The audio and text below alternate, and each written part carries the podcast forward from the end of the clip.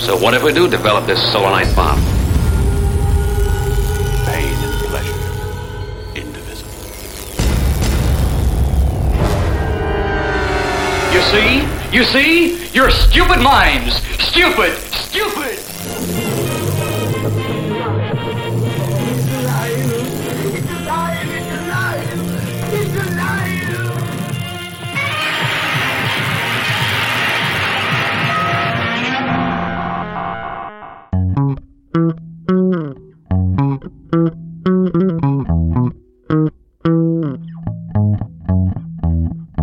Cześć, ja nazywam się Rafał Siciński, Dawid Gryza?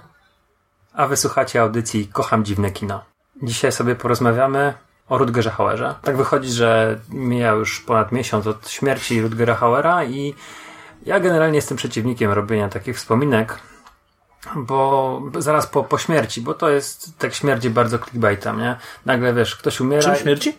Clickbaitem. Okej, nie znam. No, że wiesz, że klika, żeby klikać. Aha, aha. Mm. No bo wiesz, ktoś umiera i nagle wszyscy są po prostu fanami tego reżysera, tego aktora, tego piosenkarza. Tak było na przykład, pamiętam przy Wesie Cravenie, nie? Craven zmarł i nagle wszyscy byli fanami Cravena. E, Ale myślisz, że ten miesiąc wystarczy, że, żeby nas tak nie odbierali? myślę, że wystarczy. Okej. Już teraz nie pamięta, kto to jest Rutger Hauer. Nie, no może ktoś jeszcze pamięta, no. Miejmy nadzieję. Nie będziemy posądzeni na pewno o, o clickbait, o, o szczucie, Clickbait. Okej. czy szczucie czyjąś śmiercią. Pamiętasz pierwszy film, w jakim widziałeś Hauera? Nie. A ja pamiętam. Tak? A ja pamiętam. Mhm. Co to było? Split Second. Naprawdę? To oka. pierwszy film?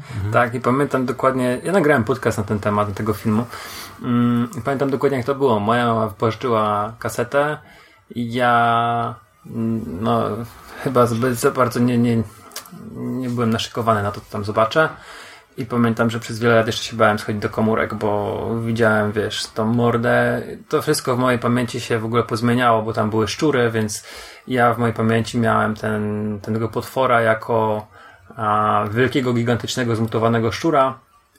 Ale to był pierwszy film, mm, w jakim go widziałem. Ale szczerze mówiąc, no, mm, jeżeli miałbym na powiedzieć, w jakim go najlepiej zapamiętałem, bo odświeżając sobie Split Second nie pamiętałem tak dobrze tej kreacji Hauera, ale e, takiego, którego najbardziej pamiętam Hauera, no to Nocny Jastrząb. O, proszę bardzo.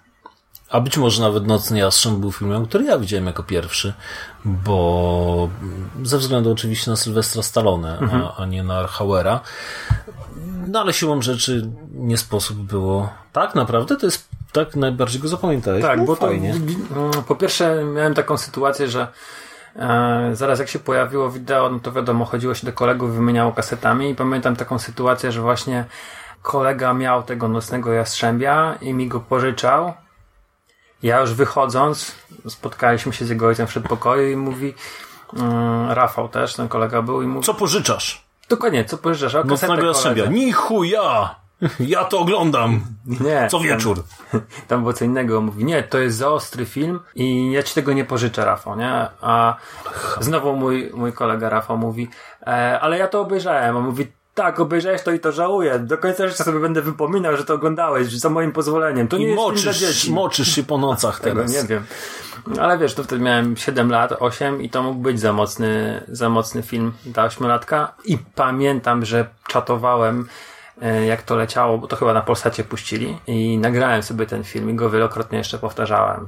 Ale to już byłem trochę starszym dzieciakiem. Teraz na Netflixie jest do obejrzenia. Tak, jest do, do obejrzenia na Netflixie, dokładnie. Z jaką rolą ci najbardziej kojarzy, Hauer? Masz taki film, który widziałeś wiele razy, tak jak ja Nocnego Jastrzębia? Jak mi powiesz, że łowca androidów, to spadnę z fotela. Nie, nie jest łowca androidów, chociaż lubię łowca androidów. Yy, Myślę, że Hauer stworzył tam ciekawszą kreację niż Harrison Ford. No to na pewno. I, i ogólnie film spoko. No nie wiem, który jest mój ulubiony. Wiesz co, mam, mam parę tych filmów Hauera. Założyłem nawet swego czasu taki fanpage na Facebooku yy, Hauer Exploitation. bo wszedłem w posiadanie jakiejś sporej ilości kaset wideo i postanowiłem, no nie wiem, jakiś taki dziwny użytek z tego zrobić i jakby zabukować sobie tą nazwę Howard Exploitation dla siebie. Lubię obroże, ciało i krew, albo Róża i Miecz, bo, Tak. bo ten film Na miewa kwa- na kasecie dwa była Róża i różne tłumaczenia. To chyba różnie, wiesz, bo na wydaniu Best Film było Róża i Miecz, to było późniejsze wydanie, a wcześniej wydał to, mm, pamiętam to na takim piracie, ale który, który no, krążył po Polsce i wydaje mi się, że tam, że tam był ten drugi tytuł. To był jeden z pierwszych Verhoevena, nie? Filmów. Dobrze mówię? Nie. Nie? Nie, oni wcześniej kręcili w Holandii jeszcze filmy. Z, w latach 70. y, Zresztą to był trochę taki tandem reżysersko-aktorski, jak, nie wiem, De Niro i Scorsese na przykład. Mm, No chociażby ten żołnierz orański y, z 70 chyba 7 czy 8 roku, ale jeszcze, jeszcze wcześniej Hauer z Verhoevenem kręcili filmy. Więc to, to był taki, y, powiedzmy, ich pierwszy hollywoodzki film. A, okej, dobra. Może dlatego tak gdzieś Mhm. w głowie miałem, że to był e, jakiś tam jeden z pierwszych Verhoevena. Ale bardzo możliwe. Y, Fatherland lubię. Mm, Tą taką alternatywną rzeczywistość, w której Niemcy wygrali drugą wojnę światową.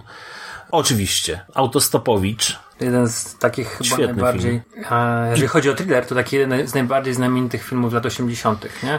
I Manhunter z pierwszy, pierwsze podejście do też Harrisa, Milczenia Owiec, tylko, Boże, to był Czerwony Smok, nie? To tak mi się kojarzy w lat 80. te dwa filmy jakoś tak najbardziej, jeżeli chodzi o thriller. No, Okej. Następne? Tam tutaj jeszcze. Natomiast, o, widzisz, bo tak jak teraz spojrzałem w tą rozpiskę tutaj, bo po prostu, no nie oszukujmy się, Rutger Hauer zagrał w prawie 200 filmach, tak? 140 ról filmowych. A, 140, no. No ale to prawie 200. No, bliżej niż 10 na przykład. To dużo. Poszukiwany żywy lub martwy. To jest jeden z pierwszych filmów z Rutgerem Hauerem, który ja widziałem. Mam ten film na DVD, pamiętam go jeszcze na wydaniu Elgas. Miałem go z wypożyczalni kaset wideo. Być może było tak, że właśnie ten Nocny Jastrząb był pierwszy, ale to, to mogło być w, bardzo niewielkim okresie właśnie z poszukiwanym żywym lub martwym. I sobie pozwolę jeszcze tutaj fiknąć. Ślepa Ślepa Furia, Furia, tak, pewno. to jest też Krew Bohaterów, chociaż tego filmu akurat nie mam. Postapokalipsa bardzo fajna. W pewną noc w świetle księżyca. Włoski film. Oprócz Rutgera Hauera gra Peter O'Toole, Nastazja Kiński i z marszu nie potrafię sobie przypomnieć kto jeszcze, ale pewnie jeszcze ktoś ciekawy gra. Mówiliśmy o tym filmie dwa tygodnie temu i jestem w ogóle oczywiście przeglądając sobie y, film web czy tam in- internet mówi database widziałbym ten tytuł, ale nigdy o tym filmie nie słyszałem, nigdy na niego nie trafiłem. Totalnie ciekawostka, nowość. A ty pisałeś o tym tekst do kinomisji. Miałem o tym pisać do kinomisji, ale ostatecznie y, napisałem tylko o y, grze o gra o przetrwanie. Tak, Surviving the Game. Y, miałem napisać dwa teksty, ale no trochę tam jakieś inne obowiązki mnie odciągały i ostatecznie ustaliliśmy, że, że może być jeden tylko tekst i Surviving the Game poszedł, bo ten tekst już miałem skończony, a w pewną noc w świetle księżyca chciałem sobie ten film jeszcze raz przypomnieć i, i na spokojnie do niego usiąść, ale co się odwlecze, to nie uciecze. Mam nadzieję, że na karmionym celuloidem, jednym z moich dwóch blogów, ten tekst się znajdzie. To jest film, ja go też obejrzałem całkiem niedawno, po raz pierwszy. Pamiętam, jak on wyszedł na kasetach wideo i tam w ogóle na okładce dystrybutora NVC jest Rutger Hauer, taki współczesny, tak, z połowy lat 90., wtedy, kiedy ten film wyszedł na kasetach wideo, bo wiadomo, jak to wtedy było, jeżeli film miał dwa lata, to już był stary. Więc nowość to musiała być z danego roku, no ewentualnie z roku poprzedniego, no bo em, i tak w Polsce mieliśmy spory poślizg, jeżeli chodzi o em, no, dogonienie świata, tak? W przypadku premier. A poza tym mieliśmy sporo do nadrobienia, więc w pewną noc w świetle księżyca z 89 roku ukazał się przynajmniej 5 lat później w Polsce. Ale nie wykorzystano tam na okładce podobizny Rutgera Hauera z końca lat 90., tylko właśnie y, o- 80., tylko taką współczesną z połowy lat 90. E, No, co jest zabiegiem takim Tanim. Tanim, tak. Natomiast sam film jest bardzo ciekawy. E, traktuje o takim reporterze, e, dziennikarzu, który e, robi takie prowokacje. E, podaje się za osobę chorą na AIDS i bada reakcję społeczeństwa. Aż do czasu, kiedy okazuje się, że sam jest nosicielem. I wtedy jego świat troszeczkę jakby nabiera innej perspektywy. Mm, Myślę, że bardzo ciekawy film. Taki. Jeszcze jak patrzysz, 89 rok, to się fajnie wpisuje, znaczy to nie, nie równocześnie, ale fajnie się wpisuje z to, w tą wielką aferę Magica Johnsona, nie? Bo on też końcówka do 80 i początek 90 no to przecież ogłosił, że jest nosicielem wirusa. No, to- Więc to był chodliwy, nośny, głośny temat. No tak, nie wiem kiedy Freddie Mercury zrobił też coming out, tak, ale tam sporo było gwiazd właśnie takich, mm, które mm, no gdzieś tam do, do, dokańczały żywota swojego, tak, czy Rock Hudson, też bodaj chory na AIDS. Mm, No nie, no masa, to, to był Myślę, że to był ważny, ważny temat i jest ciekawie przedstawiony w tym filmie. Mówię, to jest produkcja włoska. Mm, aktorzy też są, no, obsada jest międzynarodowa, tak? Rutger Hauer Hollander, Nastazja Kiński, Peter O'Toole, tam jeszcze są na pewno też włoscy aktorzy. Bardzo ciekawa rzecz. Mam ten film i, i, i chcę go sobie zostawić na półce. Po północy ciekawy thriller, mm, do którego szlify scenariuszowe robił Quentin Tarantino. No proszę. Podobnież. E, Scenariusz był napisany, ale coś tam w nim nie grało, a, a Tarantino już wówczas był, no powiedzmy tam w pewnych kręgach. e, Bo już był po debiucie, nie? To... Nie, jeszcze nie był po Ale nie, nie, debiucie. po tym swoim debiucie, tym pierwszym filmie, tym półgodzinnym e, przyjęciu urodzinowe, tak? Tak, tam, tak, to, tak. to już potem było na pewno. No i jakby nie patrzeć... Tak, ale ja, ja myślę, że to jest taki, to przyjęcie urodzinowe to, to nie należy tak traktować do końca poważnie, bo mm, no podejrzewam, że mało kto ten film widział tak naprawdę, nawet w samym Hollywood. Ale gdzieś tam już po znajomości No, próbował się... tak, bo przecież prawdziwy romans 92? Więc ten No, ostatecznie- już jego musiał gdzieś krążyć wcześniej na pewno. 93 chyba produkcja była prawdziwego romansu. E, 94 Urodzeni mordercy. Ale Quentin Tarantino e, jakiś tam był takim script doktorem, tak? Jak to się mówi teraz. Więc gdzieś tam miał, miał jakieś swoje poprawki nanieść na, na, te, na te dialogi głównie, bo to chodziło chyba bardziej o dialogi nawet niż o, o samą fabułę. I faktycznie obejrzałem ten film kilka lat temu i był taki moment, gdzie miałem wrażenie, że o, to tu, nie? Że coś to chyba tutaj Quentin ingerował, nie? Bo tak jakoś ta gadka płynęła w jego stylu. Ale no oczywiście pewności nie mam. Natomiast taki film e, też wyszedł. E, on miał w ogóle tak, taki trailer dziwny. Znaczy, trailer jak trailer, ale był, do niego była wykorzystana muzyka e, Depeche Mode, która w ogóle się nie pojawia w filmie i po prostu tak tutaj ktoś stwierdził, że o, to będzie to. Ja mam takie wrażenie, że nie grał nigdy takim blockbusterze. Pojawiał się w, jako tam może epizodycznie w Batmanie, do czego jeszcze chcę zawrócić, czy mm, w Sin City, to były małe role, ale Łowca Androidów, to jest wielki film, grał czarny charakter, wcześniej Nocny Jastrząb, czarny charakter. I Autostopowicz. Ja nie mówię, że on był zaszufladkowany jako czarny charakter, bo zdarzały się filmy, gdzie no przecież zaraz po e, tym Nocnym Jastrzębiu zagrał w weekendzie Ostermana, tak? To jest na podstawie Ludluma i tam grał dziennikarza, który dowiaduje się o spisku mm, jakiegoś tam swojego, powiedzmy, towarzystwa znajomych, którzy pracują dla ZSRR. A, ale te największe role, jego najsłynniejsze, to były czarne charaktery, takie, które przeszły, wiesz, do, do historii. I później, jak sobie popatrzysz, to w Buffy grał wampira.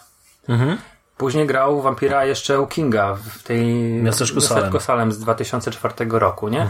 I ja mam takie wrażenie, że to, że sobie wybierał takie role, myślę, że mógł nie dostawać propozycji do grania, wiesz, amantów, no ciężko powiedzieć. Facet wysoki, przystojny myślę, ale jest taką oryginalną urodą, która nie pasuje do amanta. I druga rzecz, że e, właśnie mm, twardy facet, wielki, 1,88 m, dobrze zbudowany, ale nie, nie łapał się na to hollywoodzkie, wiesz, takie action hero czy coś takiego. No i grał w filmach, no kurde, tych złych. Trochę tak zapamiętany jest. Mhm.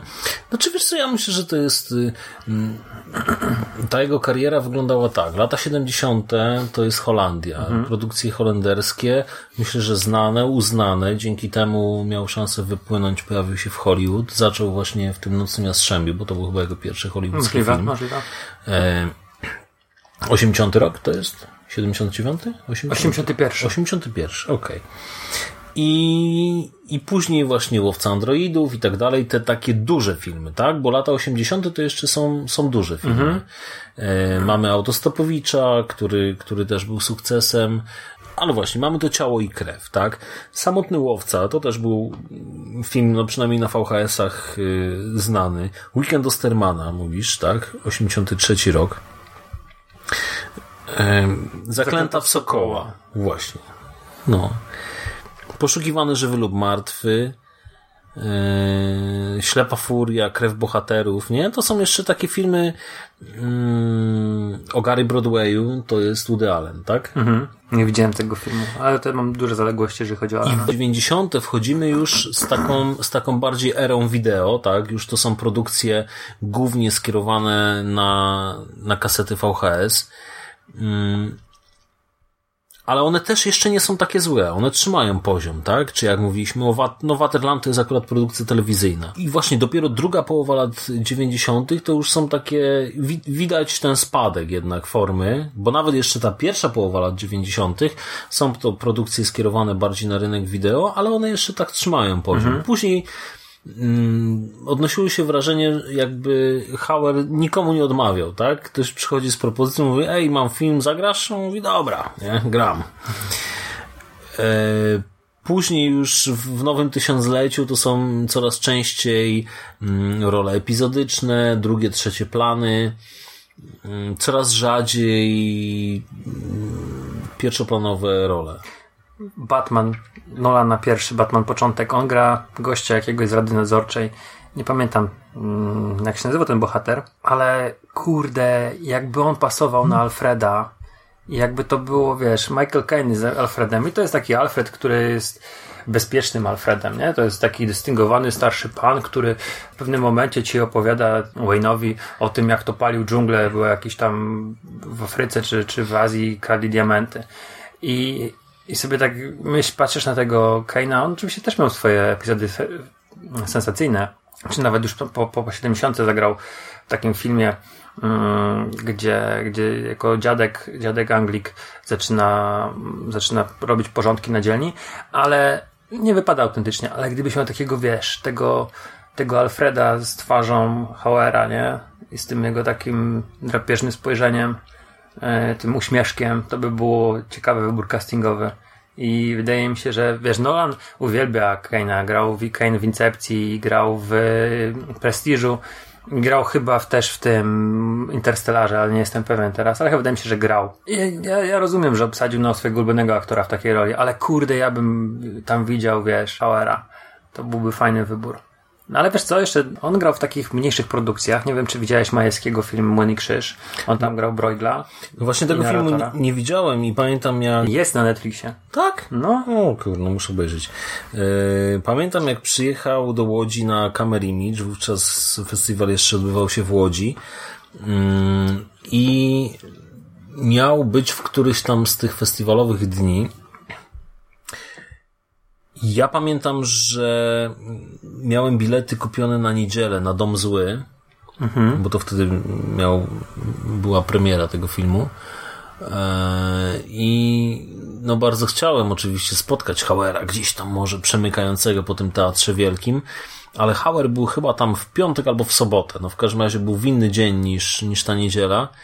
Mm, bo nawet tak, takie miałem niecne plany, żeby może zabrać jakiegoś VHS-a, żeby mi podpisał gdzieś tam, może się dobije do niego, ale no, no niestety, no to, to nic z tego nie wyszło. Yy, I, ale miał jeszcze jeden taki polski epizod, to znaczy w sumie dwa, może był Ucieczka z Sobiboru. Tak, to znany film, no bo tam Pacuła grała i to przecież w pewnym momencie była nasza jedyna eksportowa gwiazda, więc ten film przynajmniej dwa razy w roku, w roku był, był puszczany w polskiej telewizji, yy, RTL 7 najczęściej. Yy, no ja, ja go widziałem kilkakrotnie, ale powiem Ci szczerze, nie jestem w stanie nic powiedzieć o Hauerze w tym filmie. No, no zagrał, nie? Był. No tak, to jest produkcja telewizyjna. Mm, to jest chyba dłuższy film, nie? Bo on się z dwóch, z dwóch części Mhm. składał chyba jako taki w telewizji pokazywany. Mm, No tak, to prawda. Ja też go, ja w sumie go widziałem chyba raz tylko i, i, i przyznam, że no nie aż tak dawno, bo, bo myślę, że z 4-5 lat temu go mogłem widzieć. Natomiast y, zagrał jeszcze w tym jak to się nazywało? Niebezpieczna gra? Jakiś. Niebezpieczny umysł u Cluneya to byłby. Nie, nie, nie, nie, nie, nie, nie. Film Anioł Śmierci z 95 roku, nakręcony w Polsce. Nie widziałeś tego słyszę. filmu? Nie, Co ty opowiadasz? Taka kaszana.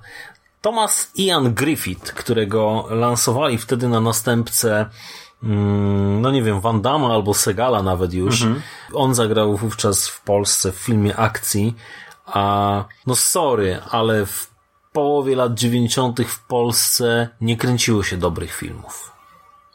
Nawet jeżeli e, twórcy przyjeżdżali gdzieś tam z zagranicy, to to i tak nie były dobre filmy. I tam Rutger Hauer gra właśnie jakiegoś e, doktora, lekarza, kogoś tam takiego.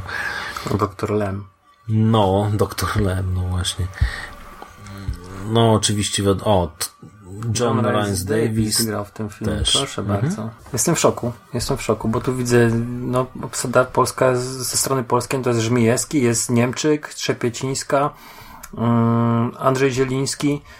Kurde, no i nie, pierwszy raz słyszę o tym filmie. Ja wiedziałem, że wiesz, Seagal kręcił w Polsce filmy, ale... A to później, później. No tak, tak, już tam początek 2000, nie? Ale mm, o Hauerze nigdy. Jestem w szoku.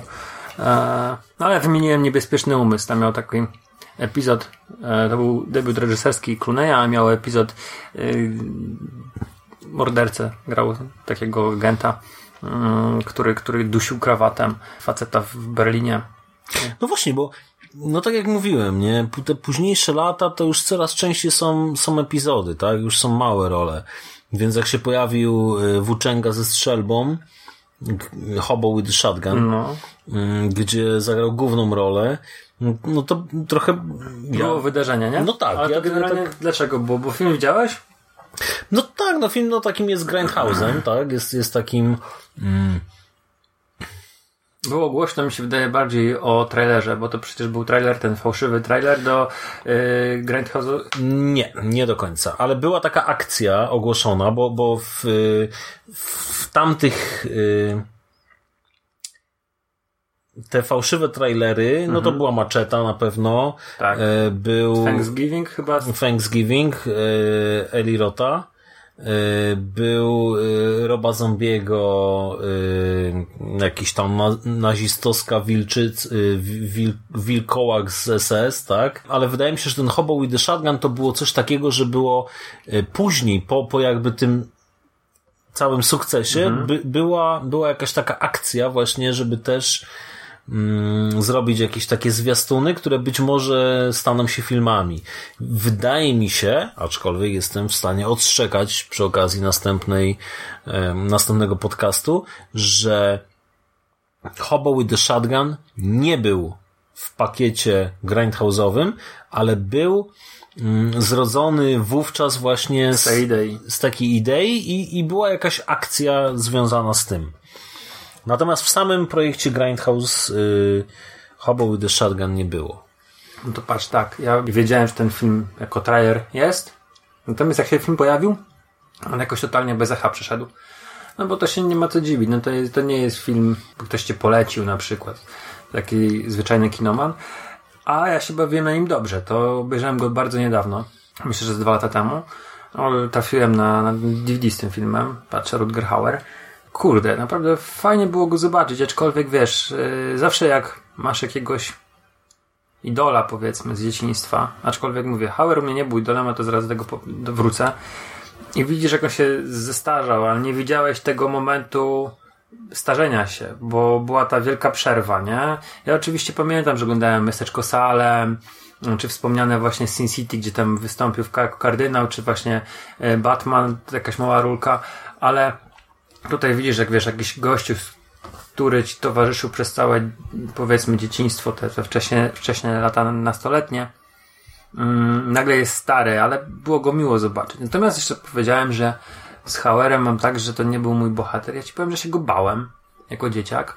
A, mówię, nie zapamiętałem Hauera z tego Split Second. Nie pamiętałem jego. Wiedziałem, że on tam grał, ale nie zapamiętałem jego kreacji aktorskiej.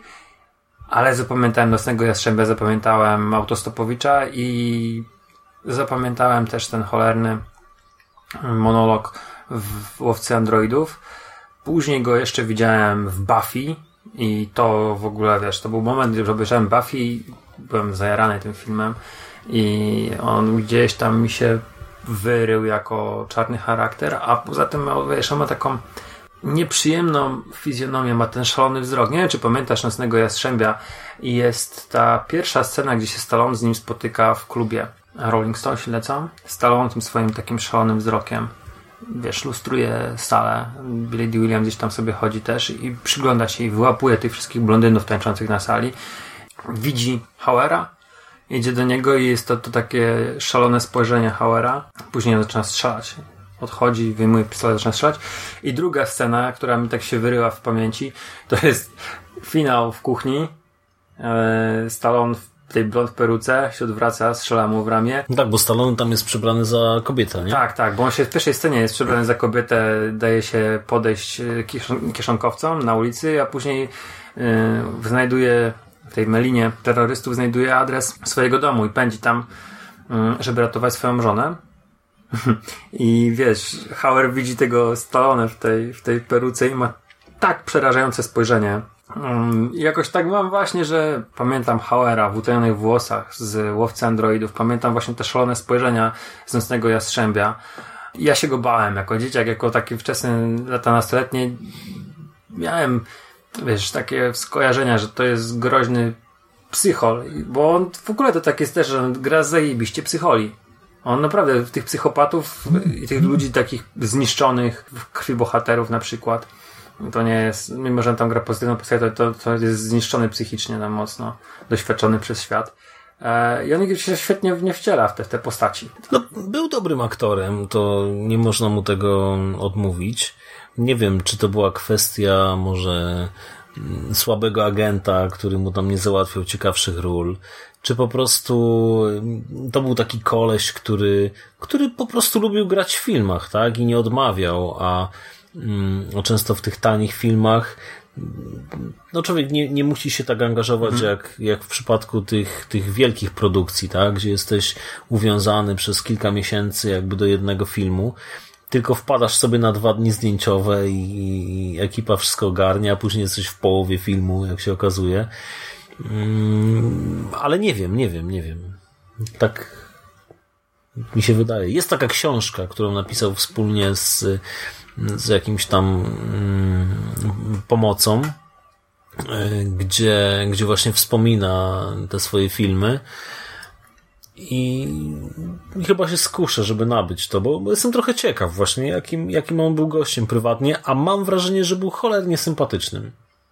Ja, ja nie wiem, takie, takie mam wrażenie właśnie, że, że poprzez te wszystkie y, jego udane występy w tych rolach psychopatów, o których wspomniałeś, ale też przez y, wiele bardzo udanych ról dramatycznych, y, to ja, ja myślę, że to był bardzo ciekawy człowiek, tak mi się wydaje przynajmniej.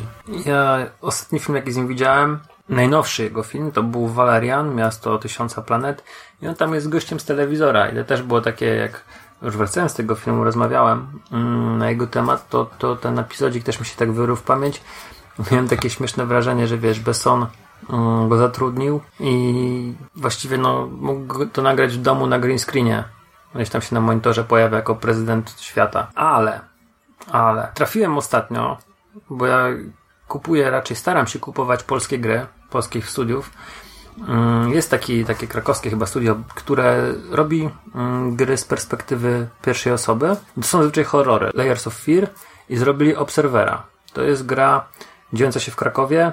Jest to cyberpunk taki, który, który można bardziej z Johnnego Mnemonika kojarzyć niż, nie wiem, z e, Matrixa czy z Blade Runnera. On tam podkłada głos głównemu bohaterowi. Jest główny bohater jeździ takim nowoczesnym polonezem e, i mówi głosem Rutgera Hauera. Mm, I powiem szczerze, że Czyli kolejny polski epizod. kolejny polski epizod, właśnie teraz sobie o tym przypomniałem. I tak jak widziałem jego twarz, no zestarzał się facet no, mocno, ale ten głos ma nadal tą taką swoją charakterystyczną bardzo barwę i, i tembr. Naprawdę przyjemna rzecz. Aczkolwiek no, gra miała straszne problemy. Nie skończyłem jej nigdy, bo się cięła. A jak ma coś sprawiać przyjemność, to sprawia już całkowicie, a nie, nie, nie, nie jakąś tam frustrację wywołuje. No ale muszę do niej wrócić, muszę do niej wrócić. No dobra, to jeszcze takie na sam koniec pytanie. Ulubione filmy z Hauerem, trzy wymień. Okej, ja sobie tutaj wziąłem mm, taką podpowiedź małą, bo, bo mam parę filmów na VHS-ach i na DVD. Eee, no, wiesz co, nie wiem, jakie są moje ulubione. Róża i miecz, eee, czy ciało i krew, tak? Eee, ten film uważam, że jest świetny. On ma, on ma świetne zdjęcia, w ogóle bardzo fajny klimat. Troszkę szkoda, że nigdy w Polsce się nie ukazał. Tylko na, na tych VHS-ach, gdzie, gdzie jest niestety w formacie 3 na 4 A jest to film naprawdę godny porządnego Blu-raya. Także ten film bardzo lubię. Split Second oczywiście też bardzo lubię. Waterland, e, Autostopowicz. Nie wiem, no ciężko byłoby mi powiedzieć trzy. Obroże też lubię. Jeszcze Róża, Róża i Miecz. Róża i Miecz chyba, chyba z tych wszystkich... Ja na pewno Ślepa Furia. To taki jest mój O, Ślepa jeden. Furia, no właśnie. Też A, chyba pierwszy film, gdzie widziałem go w pozytywnej roli. Czyli taki Zatoichi, tak? Zatoichi. Dokładnie. Ten nocny jastrząb i jako trzecie powiem Split Second, bo powtarzając go, to kurde, ta postać, którą on tam grał w Split, w tym, w e, Split Second, dobrze, po prostu taki, wiesz, naspidowany, bardzo przerysowany, ale do tego taki naspidowany kofeiną, Coca-Colą, Red Bullami i Tigerem. tak, detektyw, który to jest po pierwsze bardzo fajny horror, po drugie fajny science fiction, taka, no jakby nie patrzeć, dy- dystopia, a po trzecie to jest buddy cop movie i, i Hauer jest tam rewelacyjny, no naprawdę. Ale zobacz, to jest taki. Według mnie to jest bardzo niedoceniony film, prawda? Nie uważasz, że to tak. w- Gdzieś tam wśród tych wszystkich, oczywiście zasłużonych, obcych i, i, i innych spin-offach i, i jakby rip-offach i to ten split second, który naprawdę trzyma poziom, jest I fajny. pogrywa z widzem, bo tak naprawdę nie wiesz do końca, masz te, te pentagramy, nie wiesz, czy to będzie jakieś satanistyczne coś, czy to będzie jakiś mutant, no to okazuje się mutant, ale taki dosyć specyficzny, to wyrywania serca. No, on pogrywa naprawdę z widzem i z, z oczekiwaniami, co my dostaniemy w tym finale. Nie wiem, myślę, że trochę właśnie ta wycieczka do kanałów i to strzelanie z tej wielkiej giwery, może ten finał był trochę nie, nie na miejscu, ciężko mi powiedzieć, ale mógł się przyczynić do tego, że mniej poważnie do tego się podchodzi do filmu. Ale tak to, no to, to jest rewelacja. Czyli nie schodźmy do kanałów. Taka na, jakby no. Najgorsze, najgorsze co można zrobić, to, to, to wysłać bohaterów do, do kanałów. Ale Wajdzie się udało. Wypłynął tym kanałem. Ej, ale wiesz, to jest ciężko wybrać jakiś ulubiony film, tak jak sobie pomyślę, no bo tak, No właśnie, co nie wymienisz, łowcy androidów nie wymienisz, no ja, ja akurat No tego właśnie, filmu, no. ja akurat tego filmu za bardzo nie lubię, wolę na przykład Villeneuva, drugą, drugą, drugi film, ten pierwszy, mm, może nigdy w odpowiednim momencie, gdy go oglądałem, nikt mi nie powiedział, dlaczego ten film jest dobry, a, i on mi się zawsze taki trochę mm, snobistyczny wydawał. Znaczy, lubienie łowcy androidów było takie naturalne, wszyscy go lubili, a mi nikt nie wytłumaczył w odpowiednim momencie, dlaczego mam go lubić. I na przykład ich ja już wchodząc jako dorosłość, bardzo dużo słuchałem muzyki filmowej. Mm, Pożyczył mi kumpel właśnie płytę z muzyką. Ewangelisa. Tak, ja nie, nie, nie trawię tej muzyki na przykład. A, ale no, większość ludzi powie ci zaraz, że to będzie łowca androidów. My wymieniliśmy no, trochę z tych takich y, B-klasowców, ale też y, no, Fatherland to taka wizja też na podstawie Hellera? Nie, to nie był Heller, to był Jakiś Harris. Harris, tak, Thomas Harris. No to przecież to byłaby świetna wizja. Roberta Harrisa. A, Robert Bo Harris. Thomas Harris to jest ten od Milczeniowiec. Mhm. To jest Robert Harris. No, produkcja HBO 94 rok. Fajny film, bardzo Mhm. fajny film. Berlin 64 rok, Niemcy wygrały wojnę. Mam książkę. Jak chcesz, to ci pożyczę. O, proszę bardzo. To będę chciał. Mamy to nagrane, proszę Państwa. Chyba, że Rafał wytnie. To co? Podsumowanie. Podsumowanie. Podsumowanie. Szkoda, że go już nie ma. Szkoda chłopa. Szkoda chłopa, dobry był z niego herbatnik. Chcielibyśmy go jeszcze oglądać i całe szczęście mamy ku temu sposobność, bo zagrał w 140 filmach. Mm, No i cóż, no najsmutniejsze jest to w tym wszystkim, że no przyjdzie nam żegnać się chyba z wieloma takimi naszymi e, mistrzami, ulubieńcami, e, bo przecież ci wszyscy te wszystkie gwiazdy VHS-ów, które znamy z czasów naszego dzieciństwa, e, są już dobrze po 70 i no niech żyją jak najdłużej, ale no niestety, no pewnie pewnie kilku z nich nam się uda przeżyć i, i będzie smutno ich żegnać. No ale takie jest życie. Franco zmarł w ostatni weekend. No tak, mówiłeś mi. Tak? Mhm. To od ciebie się dowiedziałem. No. Tak. No tak, tylko że mm, no Franco to jest postać, która z ilu filmów go znasz? Z jednego. Z Beretta Nie, Island. no i jeszcze tak? wiem, że występował w- Konanie, no. E, Ale tak No nie, no ale jak właśnie, zag- zagrasz taki Beretta Island i masz jak 140 filmów Rutgera Hauera, no. W pigułce. Zagrasz takie Beretta Island, ale cię w podcaście wspominają. No, no, patrz, no. Jeszcze osobny, osobny ten nagramy odcinek. O Franco Columbo. No, nie, no też szkoda gościa, nie, no pewnie, no to jest, to jest, no przykre zawsze, no. Też był pozytywną postacią, właśnie często wspominany przez Schwarzeneggera w, w tej jego autobiografii. No niestety, no tak się będzie działo. Życie, żyćko. No, był chłop, nie ma chłopa. Ja jeszcze od siebie dodam, że e, mam tyle samo wzrostu co Rutger Hauer, ale kuźwa, ten gościu do samej starości miał taką czuprynę. Ja już jestem prawie łysy.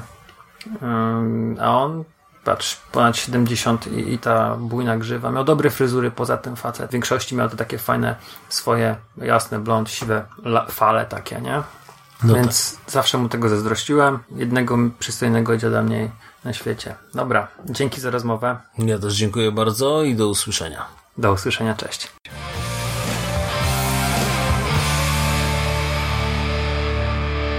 You finished? That's it, man. It's game over, man. It's game over. What the fuck are we gonna do now? What are we gonna do? It's over. Nothing is over! Nothing! You just don't turn it off!